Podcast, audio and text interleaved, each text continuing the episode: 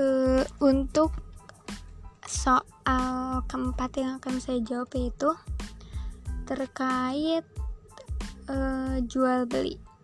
Dalam fikih muamalah ada banyak jenis jual beli. Jelaskan bagaimana praktik di Indonesia serta tinjauan fikihnya. Ya, jadi emang di fikih muamalah itu kan pembagian jual beli uh, sangat banyak ya. Apalagi dilihat uh, dari beberapa segi gitu. Ada uh, contohnya yang uh, dari segi sah dan tidak sahnya itu ada jual beli sahih, batil dan fasid. Nah, terus uh, untuk terkait praktek di Indonesia itu mungkin kita bisa mencontohkan dari jual beli uh, dibagi berdasarkan jenis dan pesanannya ya. Kan uh, jadi jual beli berdasarkan jenis pesanannya itu ada dua ada yang salam dan istisna. Nah apa sih jual beli salam jual beli salam itu jual beli yang barangnya belum ada uh, di kita gitu. Jadi kayak jual beli online jual beli online itu termasuk jual beli salam. Nah boleh nggak sih itu dilakukan gitu? Bagaimana praktek di Indonesia gitu? Nah untuk pembahasan ini mungkin tadi udah ya di uh, jawaban yang ketiga gitu. Mungkin eh, nggak uh, nyinggung banyak. Jadi emang tadi udah kejawab di jawaban yang ketiga nah untuk yang istisna ini gimana uh, e, bagaimana praktek di Indonesia terkait akad istisna ini gitu.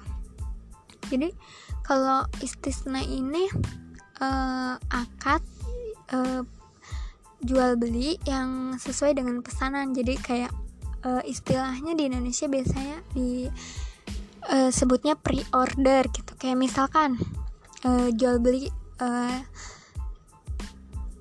undangan pernikahan gitu kan pasti kita membeli tapi e, dengan catatan kita harus memesan dulu kan.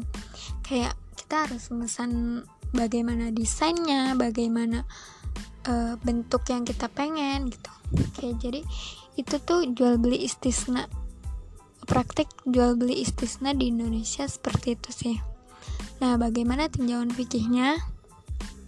Di dalam fatwa DSN tentang jual beli istisna itu uh, ada di nomor 6 di tahun 2000. Nah, uh, di sini tuh uh, dasar hukum yang digunakannya itu Al-Baqarah ayat 282 yang artinya tuh hai orang-orang yang beriman apabila kamu bermuamalah tidak secara tunai untuk waktu yang ditentukan hendaklah kamu menuliskannya e, terkait jual beli istisna dalam fatwa DSN itu ada di nomor 6 tahun 2000. Nah, e, di sini saya akan e, menjelaskan tentang ketentuan terkait pembayarannya, terkait e, mengenai barangnya bagaimana gitu. Terus e, tentang pembatalan akad itu gimana sih dalam akad istisna ini? Nah, yang pertama itu mengenai pembayaran. Nah, yang pertama uh, kita tahu nih alat bayarnya itu uh, berapa sih jumlahnya? Uh, jadi ketika kita pesan kita tahu berapa harganya. Uh, terus yang kedua itu pembayarannya ini harus dilakukan pada saat terjadinya akad. Jadi uh, kita membayar pada saat akad yang disepakatin. Nah untuk yang kedua itu mengenai barang uh, barang yang dijadikan pre-order ini kita harus mengetahui jelas bagaimana sih uh, spesifikasinya gitu. Uh, dan diakui sebagai hutang gitu karena kan belum jadi barangnya ya.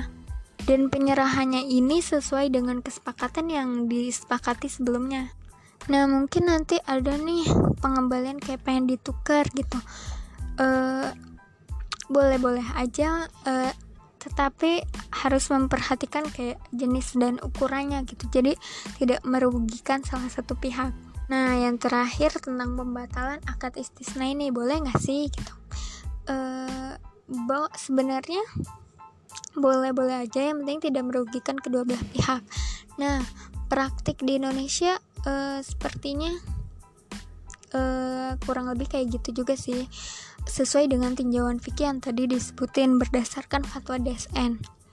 Jadi uh, ketika kita ingin memesan barang, kita memesan sesuai deskripsi e, menunggu waktu proses dan pengiriman yang pasti kita membayar di awal dan sudah apa ya kadang tuh sudah menjadi kesepakatan gitu.